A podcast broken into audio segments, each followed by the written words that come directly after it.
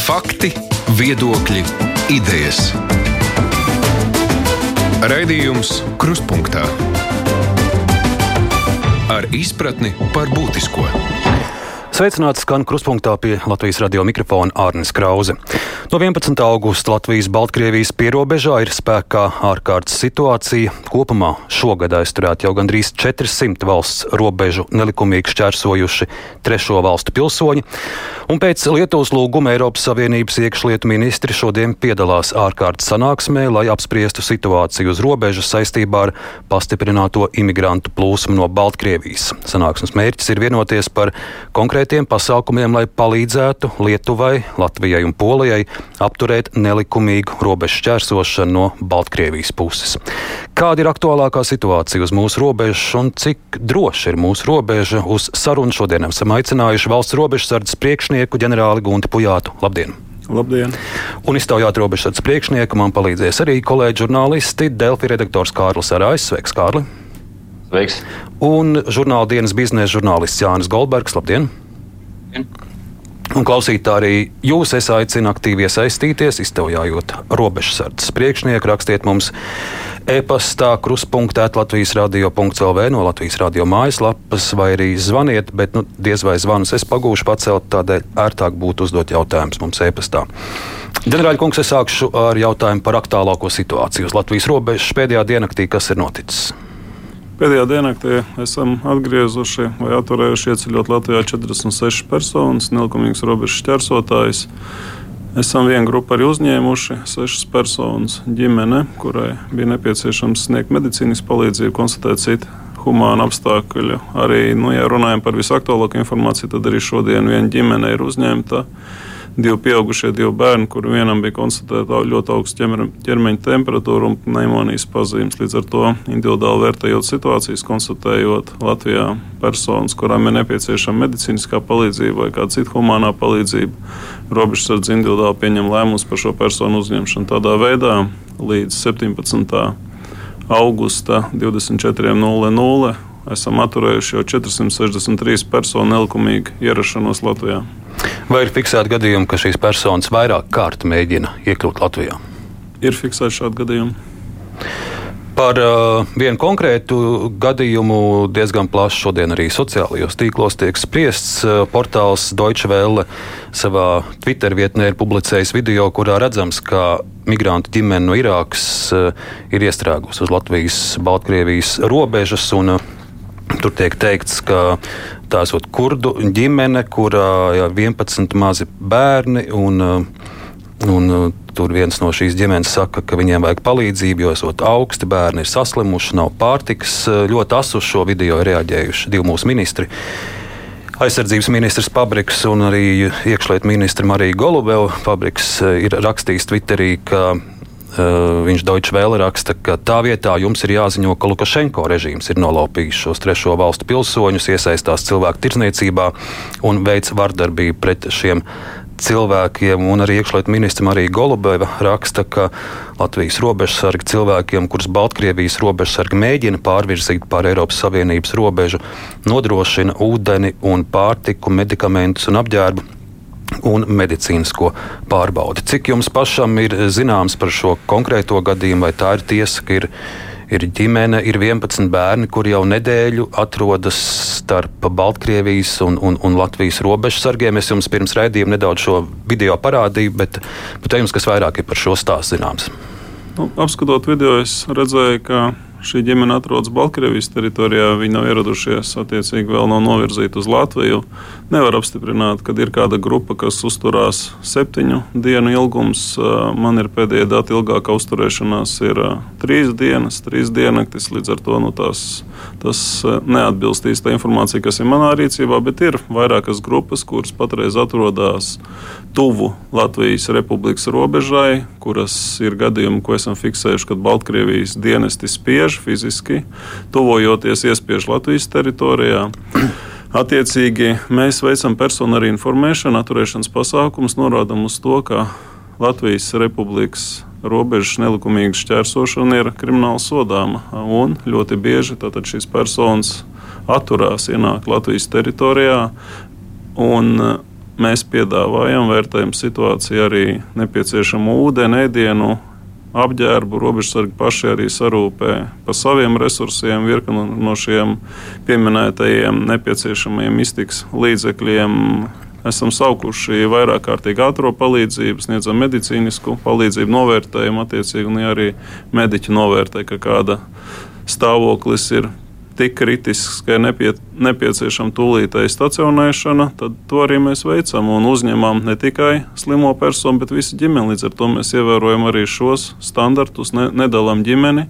Ja kāds no ģimenes locekļiem kāda veselība ļoti būtiski ir apdraudēta, tad mēs uzņemam visu ģimeni. Un ievietojam vai nu no aprūpas centrā ir viens gadījums, vai arī medicīnas iestādē šos saslimušos cilvēkus. Tad no jūsu stāstītāja saprot, ka robežsargi dažkārt pat paši no savas kabatas eh, pērk pārtiku vai drēbes dod. Tā tas ir. Vēl arī man viens īsts jautājums par šo emocionālo vai psiholoģisko pusi, kāda ir jūsu kolēģiem tur stāvot uz Latvijas robežas un sargājot mūsu robežu redzot uh, bērnus, dzirdot raudāšanu, nu, viena lieta ir robežu sargāšana, otra ir šī emocionālā puse ar droši vien. Mēs pildām savu uzdevumu, sargājam Latvijas Republikas, Eiropas Savienības un NATO valstu ārējo robežu. Attiecīgi, protams, mēs tajā pašā laikā esam arī cilvēki, un tas, ko es jums minēju, ka robežsargi ir līdzjūtīgi un paši par saviem resursiem bieži vien sagādā nepieciešamo ziedo savu apģērbu, kas viņiem ir pieejams. Attiecīgi, vēl papildus sarūpē gan ūdeni, gan pārtiks preces, iejūtīgi esam, bet tai pašā laikā, protams, pildām ārkārtējās situācijas rīkojumā noteikto, lai atturētu no nelikumīgas robežu ķērsošanas. Un tie, kas ir nelikumīgi ieraduši, ieradušies, kuriem nav nepieciešama tūlītēji humāna palīdzība, atgriešana atpakaļ Baltkrievijas republikā. Un kā jūs ar šiem cilvēkiem sazināties? Viņi angļu valodu zina, vai jums ir kaut kādā veidā iespēja arābu valodā kādas tekstus izplatīt? Ļoti bieži grupās tomēr ir kāds angļu valodā runājošs nu, vai krievu valodā runājošs. Nu, ir, protams, arī moderni tulkošanas rīki, kurus arī var izmantot saziņai, vai ne? Google Translate, piemēram, un citi teiksim, modernas aplikācijas, kuras saziņai. Tulku pieejamība, nu, procesuāla darbības veikšanai patreiz ir izaicinājums. Kolēģi, jūs jautājumu es sākšu ar Kārlu Arāju no Delfiem Lūdzu. Jā, uzreiz jautāšu arī par to tieši izmitināšanas situāciju. Kāda ir šobrīd faktuālā situācija ar uh, tiem uh, cilvēkiem, kas ir tomēr uzņemti Latvijā, pieņemti, vai mums šobrīd pietiek gultas vietas, jumta un viss, jo es skatos šodien arī pēc operatīvās tās sēdes, kas jums bija vakar operatīvā vadības centra. Uh, Te rakstīts, ka tiks meklēts vēl telpas, tu dienestu viesnīcās un visur. Tad kāda šobrīd ir aktuālā situācija? Vai vispār pietiek vietas? ir mainīts tiesiskais regulējums, attiecīgi netiek uzņemti kā patvērumu meklētāji un personas, kuras tiek uz doto brīdi aizturētas, tiek ievietotas slēgta tipa centros. Tādi robežsardzes rīcībā ir. Tāds ir Daugopilī centrs un ir arī pieejams telpas izlaicīgās aizturēšanas izolatorā. Aptuveni 80 personas mēs šais centros vēl varam uzņemt, aizturēt un attiecīgi izvietot. Tātad tie centri ir ar žogu apkārt, un, un cilvēki Jā. nevar tā brīvi iziet ārā. Šie ir slēgti centri, jo mums patreiz ir ārkārtējā situācijā. Četros novados ir izsludināta ārkārtēja situācija ar īpašu regulējumu, un šīs personas tad attiecīgi tiek izvietotas slēgtos centros. Vietas tur pietiek. Kā jau minēju, aptuveni 80 mēs vēl varam uzņemt. Kārli? Uz cik ilgu laiku viņi tiek tur izvietoti? Cik ilgu laiku viņi tur atradīsies? Sākotnēji aizturēšana ir desmit dienas, tālāk tiesa lemj par vai no aizturēšanas pagarināšanu vai kādu citu mēru piemērošanu. Vēl Kārli? Uh, jā, arī par tiem tulkiem. Šodien arī bija tas pats no tās pašas operatīvās vadības centra, ka trūkst to tulku un prasīsim Eiropai. Jūs jau minējāt Google Translate un viss, bet uh, kā tad iet šobrīd tam procesuālajām darbībām? Vai mēs vispār varam šiem robežu pārkāpējiem paskaidrot, pēc kāda krimināla likuma panta un, kā, un vai tie ir teiksim, korekti iztulkot krimināla likuma pantu, jo nu, pēc pieredzes Google Translate tas nevienmēr iztulkos korekti. Mēs esam sagatavojuši audio materiālu, kur ir profesionāls tulks iztulkojis un atskaņojam pirms robežu šķērsošanas personām šo informāciju, ka robežu šķērsošana nelikumīgi ir paredzēta arī krimināla atbildība. Līdz ar to domāju, ka ir pietiekami saprotama šī informācija novadīta. Paldies, Jānis Galbergs no dienas biznesa. Nu jā, man vairāk par to praktisko pusi, kā robeža izskatās, kā robežsargiem šobrīd ir tieši kontrolēt Baltkrievijas robežas posmu, kas ir austrumu robeža, ko mēs 30 gadus pazīstam kā praktiski neizbūvētu līdz galam. Un, Kādus desmit gadus to visu plānoju. 19. gadā bija būvniecība, Igate, laikam, Krievijas robežai, kad pārsimts kilometrus izbūvēja. Nu, kā tad ir šajā posmā? Pirmkārt, kontrolēt, kur, ja saprotu, nav ne īsti piebraucamie ceļi, ne laipas, ne nekas.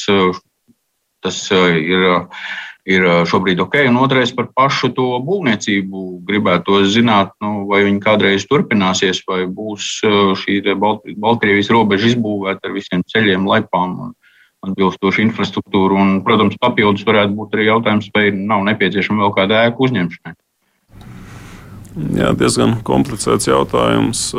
Baltkrievijas robežas izbūve faktiski tika ap, apturēta 19. gadā. Bija noslēgta vispārīgā vienošanās, bet tika saņemts virkne rekomendācijas, kuras ir jāievieš dzīvē, lai varētu atsākt būvniecību. Līdz ar to nu, apstākļi dienesta pienākumu veikšanai uz Baltkrievijas robežas ir diezgan sarežģīti un nav tādi, lai mēs varētu iegūt saulaicīgi informāciju par pieejamiem pārkāpumiem. Tas tiek patreiz kompensēts ar cilvēku resursu pa, pastiprinātu izmantošanu, zemesargos policijas atbalstu. Līdz ar to patreiz cilvēku resursu papildus iesaiste kompensē šīs infrastruktūras nesamību. Vakar ministra kabinets ir pieņēmis virkni grozījumu projektus, kas paredz šīs infrastruktūras sakārtošanu. Attiecīgi arī kā saimā šie likumu projekti tiks izskatīti. No tā tad pirmkārt tiks sakārtot tiesiskā puse, un es ceru, ka tiks atsākt būvniecība. Bet, lai mūsu klausītājiem, skatītājiem būtu nojauta, kāda izskatās Latvijas-Baltkrievijas robeža, vai jūs to varat pastāstīt? Jo nesen arī mani kolēģi jau vārni tur bija klātienē, un viņi atbrauca atpakaļ uz Rīgu. Un, Un es nepārspīlēju, ienāca birojā ar lielām acīm no redzētā uz robežas, jo, jo viņi bija domājuši, ka nu, vismaz ir kāds simbolisks žoks vai kāds drāts vai kaut vai kāda, kad citreiz rāda kāda, kāda aukla pārvilkta. Eh, tur, kur viņa bija, tur nav vispār nekā. Un kā viņai stāstīja, no reizes mēnesī traktorists nobraucot to, to stigu, lai var redzēt pēdas, bet traktorists tagad esot jau mēnesi atvaļinājumā, un arī mēnesi nekāda stiga nav braukta, un tur jau viss sakalts un nekādas pēdas, pat ja kāds iet neredz. Kāda tā robeža fiziski izskatās? Robeža fiziski ir tādā stāvoklī, kāda bija pēc demarkācijas, 6 metru ietvaros ir veikti iekārtošanas darbi, bet likumdošana prasa un paredz ne mazāk kā 12 metrus šīs robežas joslas iekārtošanu. Līdz ar to, protams, nu, tā ir tā stiga, ja, ko traktors uzvar. Ne tikai nē, tur ir arī paredzēts, tā ir kontrolpēda josla, ko kur iespējams tātad tiek ar traktoru tehniku sagatavota, bet vēl ir vieta paredzēta žogu uzstādīšanas, patrulēšanas taka, robežas zīmju novērošanas zona. Tie ir 12 metri normālos apvidos. Papildus valsts robežas likums paredz, ka tās teritorijas varētu būt arī plašākas, ja nav iespējams tajos 12 metros izbūvēt. Nu, un, lai novērstu jebkādas šaubas, tad patreiz vakar arī bija ministra kabinets izskatījis sagatavotos grozījumus valsts robežas likumā un citos likumos, lai novērstu un varētu kā valsts kontrole bija ieteikusi, lai caurskatām novērst jebkādas šaubas, tad, tad iet šie normatīvi grozījumi, uz kā pamata tad arī tiks ceru, ka tiks atsākta robežu izbūve. Patreizie apstākļi ir visnotaļ sarežģīti. Jā. Un šī nokļūšana no Baltkrievijas vietām ir visnotaļ vienkārša. Bet eh, tas, ka netiktu kontrolēt joslu uzturēt, nu, tā nav īsta taisnība. Noteikti, nu, protams, ka cilvēks var saslimt, bet tiek plānot regulāri uzturēšanas darbi. Pats es arī tur biju uz vietas un redzēju, ka kontrolēt joslu ir tikko atjaunota. Kolēģi? Jā, jā droši vien. Es gribēju jautāt, cik tad šajā laikā nākas piesaistīt papildus personālu, lai nodrošinātu šīs infrastruktūras ropu, cik cilvēku, teiksim, ja cik reizes jāpalielina jūsu personāla sastāvs no zemesardzes armijas pēc citiem spēkiem? Nu, jāsaka, ka ir ļoti būtisks atbalsts gan no bruņotajiem spēkiem, gan no valsts policijas. Nu, operatīvos skaitļus es nevaru jums atklāt, jo nu, tā nav publiskojam informāciju, bet atbalsts no dienas puses ir ļoti liels. Attiecīgi, var konstatēt pozitīvi, ka nav robežsargi atstāti vieni. ārējās robežas apsardzībā, bet ir gan, kā jau es minēju, valsts policijas, bruņoto spēku, gan arī valsts drošības iestāžu ļoti liels atbalsts gan savlaicīgai informācijas saņemšanai par iespējamiem pārkāpumiem, gan arī atturošo pasākumu veikšanā. Kāda ir tā tendence to robežu šķērsot, mēģina pārsvarā diennakts tumšajā laikā, vai tam nav īsti nozīme? Mēs esam novērojuši, ka pamatā tas ir tumšais laiks, vairāk uz rīta pusi, bet ir arī grupas, īpaši sākotnēji, kas mēģināja, nu, praktiski risks, risks var nelikumīgai šķērsošanai visu diennakts garumā. Kārli? Jā, mums bija jautāt, vai koncentrējoties tieši uz šo austrumu robežas punktu, mums uh, nedodas teiksim, drošības risks kādos citos robežas punktos. Uh, nu, tīri no tā, ka personāls varbūt tiek pārvirzīts vai tam līdzīgi šis ārējās robežas apdraudējums, kāds ir patreiz, nav bijis Latvijai kopš 91. gada, 1991. gada. Šis ir vislielākais izaicinājums, un nevelti ir izsludināta arī ārkārtēja situācija. Ir, protams, mobilizēti resursi konkrētā apdraudējuma mazināšanai, novēršanai. Tā, pa, pašā laikā ir saskatām riski, ka, protams, nelikumīga robežas ķersošana var notikt arī uz robežas ar Krieviju. Un arī šo robežu mēs apsargājam. Kolēģi vēl? Es gribēju jautāt, ja salīdzina tā, jau nav bijis, ka nav bijis robežu pārkāpēji. Atceramies 18. gadu vietnamieši, man liekas, kaut kādi pāris simti tikai aizturēti.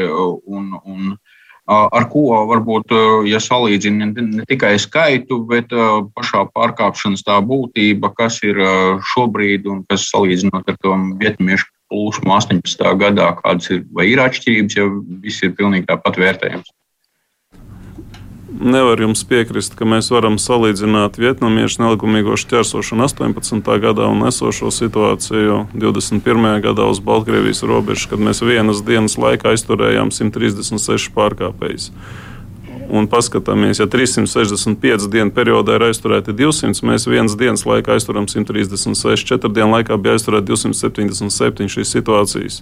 Vispār nav salīdzināmas. Un, ja nebūtu ieviesti šie kompensējošie pasākumi, baidos, ka vairāk tūkstoši jau būtu uz doto brīdi Latvijā un vēl tūkstoši būtu ceļā, lai šeit nokļūtu. Līdz ar to ir pavisam savādākas situācijas. Tā ir masveida plūsma, kuru mums ir izdevies apturēt, kaut kur kādās pozīcijās iesaldēt, bet faktiski mēs atturam no simtiem tūkstošu ienākšanas Latvijā, veicot šos kontrol, kontrolas pasākumus. Uh, bija sarežģītāk kaut kur iespējams strādāt pret šo Vietnamas pārvietošanos, vietnamiešu, jo tur bija cieši iesaistīta organizētā noziedzība, pārvadātāji visās stadijās, maršrutu izstrāde, pavadīšana pa meža, automašīnas, kas viņš sagaida šeit, līdz ar to no taktikas viedokļa atklāšana iespējams sarežģītāk, un arī resursi robežsardzēji tajā brīdī nebija tik lieli, kā jau es minēju, patreiz mums ir ļoti nopietna palīdzības sniedz valsts policija un bruņotie spēki un manas pieminētās struktūra vienības. Kā jūs raksturot tās darbības, kuras veids Baltkrievijas spēku uz robežas? Un, un jūs novērojat, kas ir tie cilvēki, kas šos uh, nelegālos uh, imigrantus, kā var redzēt video, pat dažkārt ar autobusiem atveda līdz, līdz robežai, līdz mežiem. Tie ir jūsu kolēģi Baltkrievu robežu sargi vai tie ir kādi Baltkrievu spēcdienesti, KGB? Ka, kas, kā jūs to redzat, kas tur notiek? Nu, viens ir skaidrs, ka ne tikai robeža no Baltkrievijas puses netiek apsargāta, bet tiek izmantotas spēka struktūras, lai destabilizētu situāciju Latvijā. Tas ir acīm redzams un tas ir skaidrs. Un ir ziņas, kas acīm redzam norāda uz Baltkrievijas dienestu iesaistu šo pārkāpēji gan nogādāšanai uz robežu, gan arī virzīšanai pārpa Latvijas robežu. Ne tikai netiek apsargāta robeža, bet gluži otrādi tiek izmantoti dienesta resursi, lai destabilizētu situāciju Latvijā. Esmu pārliecināts, ka tur ir iesaistīti ne tikai Baltkrievijas robežsargi, bet arī citu spēku struktūru amatpersonas. Vai jums vēl ir saglabājušies kaut kādi kontakti, kaut kādi saziņas veidi ar, ar saviem uh, Baltkrievijas kolēģiem, vai jums ir kāda tiešā līnija ar Baltkrievu robežsargu priekšnieku ģenerāli?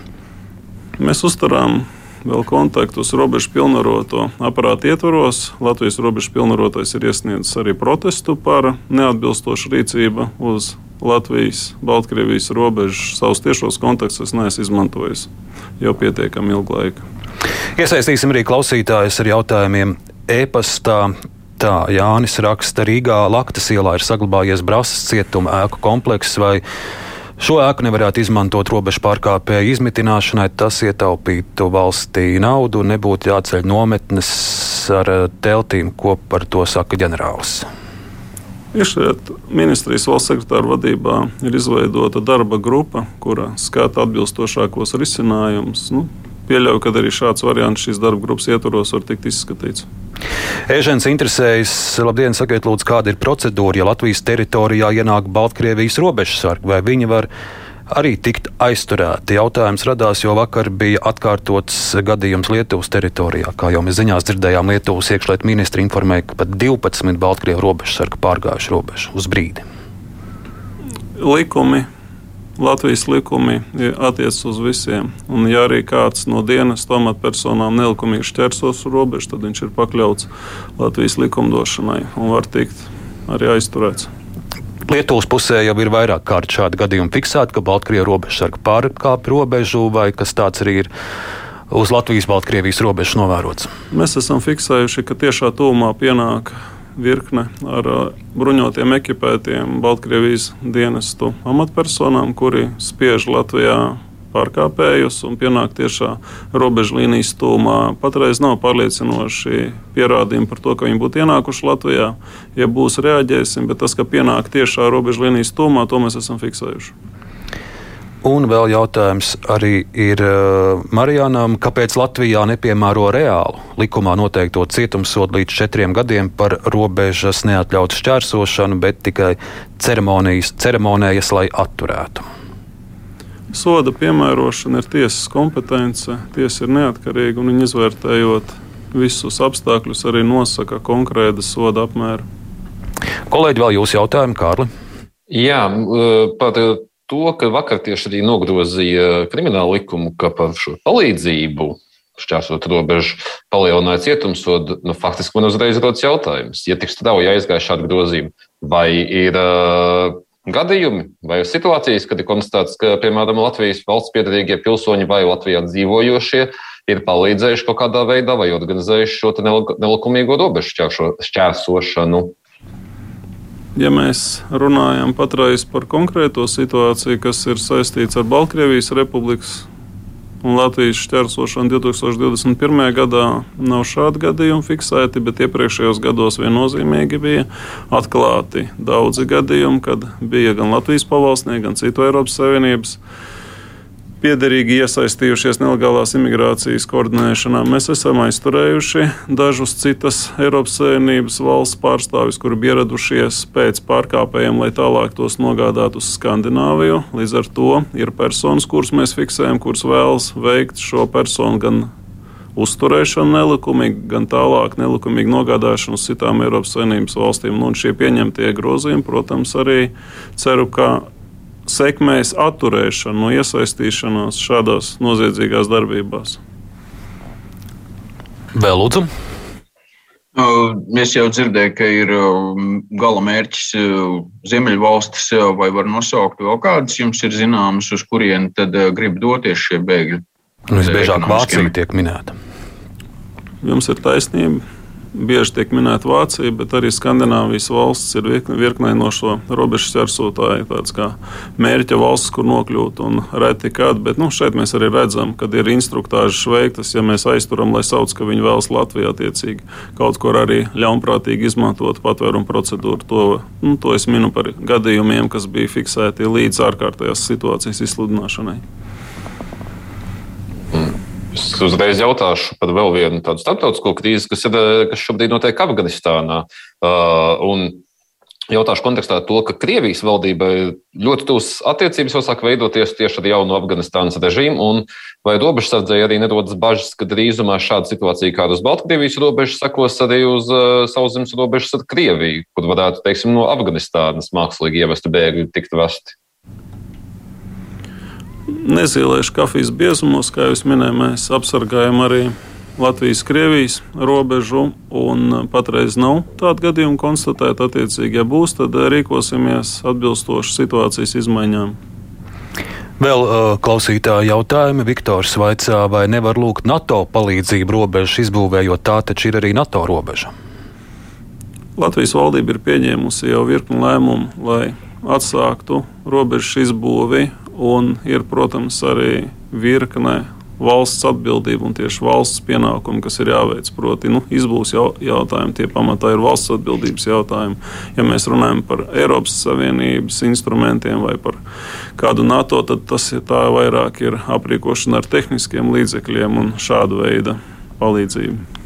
Kārlis raksta, nav noslēpums, ka iekšlietu ministrijas struktūras gadiem ir turēts finanšu pusbadā, īpaši valsts robežas sārdzie, ieskaitot austrumu robežas izbūves epopēju, vai ņemot vērā šī brīža situāciju uz Latvijas-Baltkrievijas robežas, jūsu vadītā institūcija valsts robežsardze plāno vērsties ministru kabinetā, finanšu ministrijā un citās struktūrās, lai prasītu papildu finansējumu, tajā skaitā robežsargu darbinieku atalgojumu palielināšanai.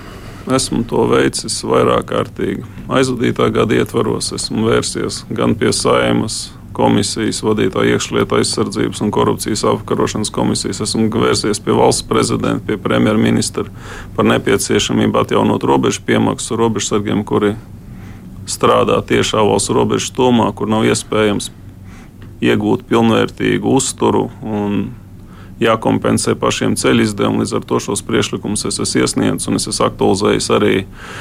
Šī gada laikā no iekšlietu ministrijas arī šis jautājums ir ietverts kā prioritāri risināms nākamā gada budžeta ietvaros. Ceru, ka būs atbalsts jautājumu risināšanai. Klausītājiem būtu interesanti zināt, arī kāds ir robežsarga atalgojums. Nu, cilvēkam, kurš šobrīd dienu un naktī sargā mūsu robežu, cik viņš saņem par to? 750 aptuveni eiro vidēji uz rokas. 750 eiro. Jā. Liena vaicā, labdien, vai nepieciešamo apģērbu un pārtiku, medicīnas līdzekļus tiešām jānodrošina robežsargiem no personiskiem līdzekļiem, vai tas ir adekvāti?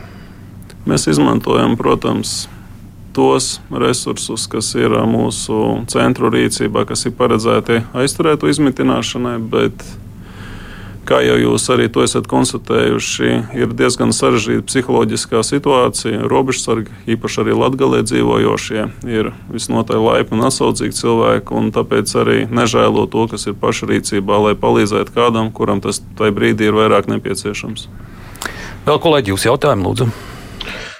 Jā, nu, mēs varam vērot, ka tas sākotnējais uzplūdums ir pierimstā vai tā ir augsts skaits, bet nu, viņš pakāpeniski varbūt ne tas stagnē, ne tas samazinās. Un ir jautājums, vai A, vai tas ir saistīts tieši ar aktīvo darbu, un jau, vai šī informācija aiziet jau līdz tiem potenciālajiem robežšķērsotājiem, un B, kā jūs varbūt ieskatāties kafijas biezumos un prognozējat, kā šī līkne varētu mainīties, redzot esošos datus? Kā jau es minēju, es nezīmēšu kafijas biezumos, bet skaidrs, ka noteikti Baltkrievijas pusē bija zināms pārsteigums Latvijas ātrā izlēmīgā rīcība, un nu, viņiem tas noteikti arī prasīja kādu laiku restruktūrizēt savu rīcību un resursus. Līdz ar to noteikti, ka mūsu rīcība ir bijis kaut kur pārsteigums, tāpēc situācija vēl joprojām saglabājas ar augstu risku ar um, draudiem Latvijas drošībai. Un um, man neizskatās, ka tuvāko dienu laikā kaut kas būtiski mainīsies, lai situācija pēkšņi kļūtu stabila un visi, visi, kas ir uz robežas, no tās dotos projām atpakaļ uz Minsku, lai ceļotu uz savu valsts, no kurienes viņi bija turismu nolūkos ieradušies. Kā izpaužās tā destruktūrizācija, ko jūs minējāt? Vēlreiz kā ārlūdzu jautājumu. Kā izpaužās tā destruktūrizācija Baltkrievijas pusē, kur jūs tikko minējāt? Pirmās dienas mums izdevās samērā veiksmīgi uzreiz atvairīt, un nebija šo nu, dienas nu, klātbūtni tik acīm redzama. Nu, tagad jau mēs redzam, ka faktiski labi ekipēti Baltkrievijas dienas amatpersonas tiek nostādīts robežā. Un, robežu garumā tur un spiež iekšā pie mums pārkāpējus un neļauj tiem atgriezties atpakaļ Baltkrievijā kur, kā jau es minēju, viņi ir ieradušies ar turismu mērķi. Varbūt tās nedaudz vēl par citu tematu arī aktuālu, tas ir Covid. viens ir kāda jums jaunākā, aktuālākā informācija par jūsu kolēģiem, robežsargiem, cik liela ir robežsargu vakcinācijas aptvere. Es skatos, jūlijas sākumā tie bija 36%, kā ir tagad. Ir zināms uzlabojums, patreiz ir 50,6% vakcinējušies, bet es, protams, vēlētos sasniegt tuvu 100% šo Puse no robežsargiem jā, ir vakcinējušies. Puse ir vakcinējušies, 18% ir pārslimojuši. Nu, ja tā ņem, tad tas certifikāts varētu būt lielāks. Drošības certifikāts lielākam personāla skaitam, bet vakcinējušies ir 50,6%. Cik es skatījos no datiem iekšlietu ministrijas mājaslapā, jūsu struktūra vienība nav tā, kas ir uh, top augšgalā. Uh, Pat Jums ir taisnība. Bet es centīšos motivēt robežsargus, kuri nav vakcinējušies, lai šo procesu tomēr valsts stratēģisko virzienu izējai no šīs krīzes atbalstītu. Kādi ir veidi, kā jūs eh, pārliecināt savus kolēģus? Viens ir gan runāšana, bet praktiski arī ir paredzama materiāla stimulēšana. Attiecīgi, robežsargi, kuri nebūs vakcinējušies, šī materiālā stimulēšana par gada rezultātiem būs ievērojami mazāka. Jūs esat arī teicis, ka robežsargu vakcinācijai pret covid vajadzētu būt obligātai es saskatu nepieciešamību, lai robežsargi ir vakcinēti, lai varētu droši sniegt šo funkciju, un īpaši jau šādās ārkārtējas situācijās, lai mēs varam nosūtīt droši no viena reģiona uz otru robežsargus. Bet, protams, man ir jāskatās arī uz reālo situāciju. Ir nepieciešams arī pietiekams kopumā personāla skaits, lai veiktu valsts deleģētās funkcijas. Šobrīd mums tā statistika saslimšanas līkne ir ir salīdzinoši zema, bet kā jums bija ziemas, pavasara mēnešos, kad daudz vietu kolektīvos bija saslimuši cilvēki, nācās doties pašizolācijā. Arī kolēģiem tas skāra arī robežsardze dienestu. Skāra ļoti būtiski, jā, mēs saskārāmies, ka aptuveni 250 vienlaicīgi prom būtu, vai ne? Es nedaudz kļūdos ap 150. Es atvainojos gan saslimušo, gan izolācijā, pašizolācijā esošie kā kontaktpersonas. Līdz ar to jā, bija tuvu 90 vienlaicīgi saslimuši, tad kā izolācijā, kā kontaktpersonas, un ziemas mēnešos bija diezgan saspringta situācija, lai realizētu funkcijas. Īpaši, kad mums bija arī papildus funkcijas eh, kontrolas iekšējām robežām, kur bija intensīvi. Mēs veicām uz visiem lielajiem autoceļiem 24-7 režīmā pārbaudas. Rīta vaicā, uh, nesen ģenerālis Latvijas televīzijā teica, ka mēdīji viņam traucējot strādāt. Vai varat uh, šo izteikumu pamatot? Tā bija presa konference, kur bija uzdots jautājums par darbu kopā patruļās, robežsargu patruļās, kur veids ikdienas pienākums. Tas ir izņemts nedaudz no konteksta. Proti, ja mēs patreiz patruļā iet pa zaļo robežu, lai konstatētu pārkāpumu pazīmes, un viņam blakām iet filmēšanas grupa, tā, tā novērš robežsargu uzmanību no pārkāpumu fiksēšanas, no saulēcīgas pārkāpēju pamanīšanas un tā tālāk. Kolēģi, vēl jūs jautājumi? Uh, var Jā, man jautājums varbūt par robežsargiem mēs pajautājām, bet tie pārkāpēji arī noteikti šobrīd tiek testēti un kāda tur ir tā saslimšanas līkne, varbūt īsumā var pateikt. Jā, visi arī aizturētie tiek pakļauti testēšanai un ekspresa testi pirms tālākas nodošanas, un tiek konstatēts saslimšanas starp šīm personām, kas ir ieradušies nelikumīgi no Baltkrievijas. Kārli? Uh, tiek konstatēta, cik bieži tiek konstatēta, un varbūt teiksim, cik mums aptuveni ir šobrīd šie iedzīvotāji, kuriem arī ir tā COVID-19 infekcija. Personas, kuras bija aizturētas vai kuras ir nogādātas uz patvērumu meklētāju centru muceniekos, atrodas karantīnā. Attiecīgi, iedzīvotājiem nav bažas, nav jāuztraucās par to, ka tas vīrus varētu izplatīties. Attiecīgi, kamēr saglabāsies saslimšanas pazīmes, viņiem netiks dot iespēju brīvi pārvietoties pa Latviju, atradīsies karantīnā. Tā, nu, un vēl arī klausītāji, gan Naska raksta, un lūk, arī daži jautājumi. Uh, gads interesējas Latvijas robežsargi Frontex ietvaros, strādā arī ārvalstīs. Kāda ir vakcinācijas aptver šiem robežsargiem?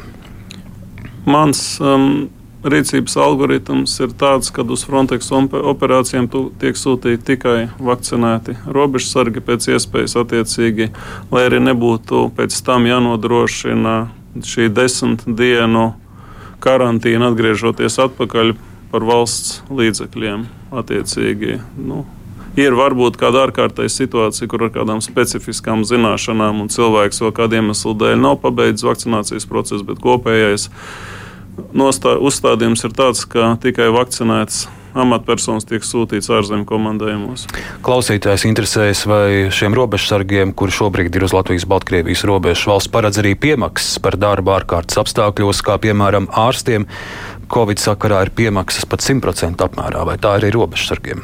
Es saskatu, ka šīs amatpersonas veids pienākums paaugstināt riska apstākļos, kom, nu, kontaktējoties ar šo ar šiem vīrusu pārnēsētājiem iespējamiem. Līdz ar to jau arī esam devusi uzdevumu sagatavot informāciju un paredzēt šo covid piemaksu, nu, kas ir paredzēta attiecīgi policistiem, robežsargiem, arī uz zaļās robežas, robežsargiem, kas veic atturēšanas pasākums un ir tiešā saskarsmē ar robežu pārkāpējiem. Raitas interesējas, kā ģenerālis vērtē jauno iekšlietu ministri vai jūt atbalstu no viņas? Es vērtēju ļoti pozitīvi. Uh, iesaistīšanos un, uh, un arī kompetences zināšanas. Es, mans priekšstats ir, ka ļoti labi tiek pārstāvēti iekšļietu ministri un tā, tās veicami uzdevumi. Māra raksta ļoti profesionāls robežsardzes darbs, un ģenerāļa Pujāta pārliecinoši sniegt informāciju sabiedrībai. Paldies! Tikmēr uh, vēl kāds klausītājs raksta, Arni, tavs viesis izklausās stipri saguris, varbūt ģenerālis nav bijis atvaļinājumā šovasar. Es biju atvaļinājumā, bet mana pirmā darbdiena bija 7. augusts, kad sākās šīs pārkāpēju grupas 38, 35, 136 un tā tālāk. Attiecīgi, laikam es esmu aizmirsis jau, kas es biju atvaļinājumā.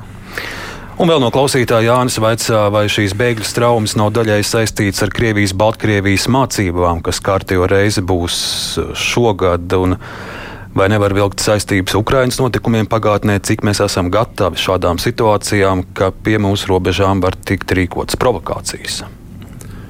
Es redzu to, ka Latvijas dienestu drošības dienas tiesība aizsardzības iestāžu iesaistē šīs krīzes pārvarēšanā ir ļoti nopietna. Ļoti nopietni resursi ir sniegti atbalsts, nu, atbalstam robežsardzei.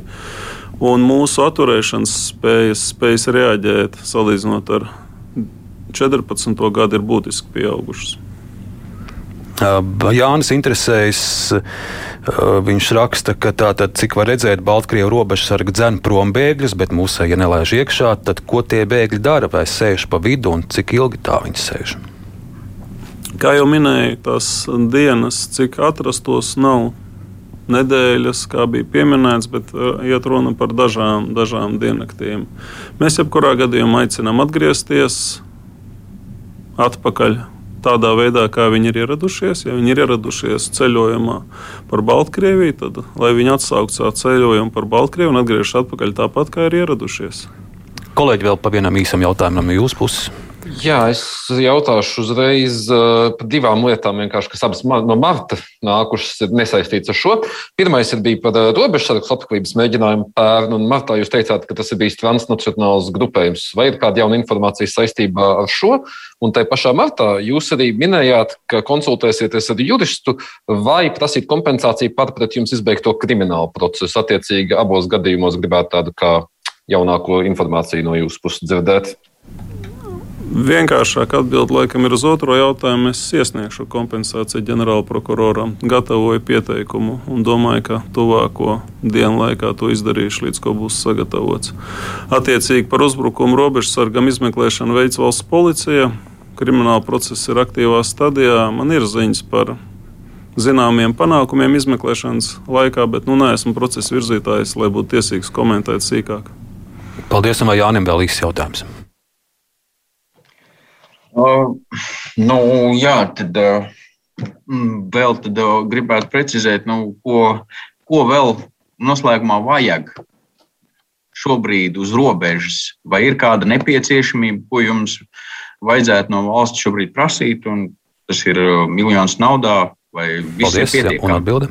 Robežsargiem ir nepieciešama atbilstoša infrastruktūra pienākumu veikšanai. Patreiz es redzu, ka ir valsts atbalsts šo jautājumu risināšanai. Un noslēgsim ar klausītāju jautājumu. Sandrs eh, vaicā jums, vai ģenerālis neuzskata, ka robežsardzēji vajadzētu būt aizsardzības ministrijas pāraudzībā, tad gan jūs būtu daudz turīgāki, jo viņiem budžets ir krietni lielāks. Aizsardzības budžets ir krietni lielāks. Es domāju, ka citām Latvijas tiesības aizsardzības iestādēm ir nepieciešams līdzīgs, adekvāts atbalsts, kā tas ir bruņotajiem spēkiem. Ir taisnība, ka iekšlietu dienesti ir atstāti novārtā, bet funkcijas, ko realizē valsts, valsts robežsardze, nav valsts aizsardzības funkcijas, bet tās ir iekšējās drošības funkcijas, kas vairāk ir piekritīgas iekšējam iekšlietu sektoram. Paldies, paldies valsts robežsardzes priekšniekam ģenerālim Guntim Pujātam par atbildēm uz žurnālistu un klausītāju jautājumiem un veiksmi jūsu kolēģiem, tiem jūsu kolēģiem, kuri šobrīd dienu un nakti sargā mūsu robežu uz Baltkrievijas un Krievijas robežas. Paldies jums! Paldies, un tā skaitā paldies par labiem vārdiem, par labu robežsardzes darbu novērtējumu. Paldies klausītājiem!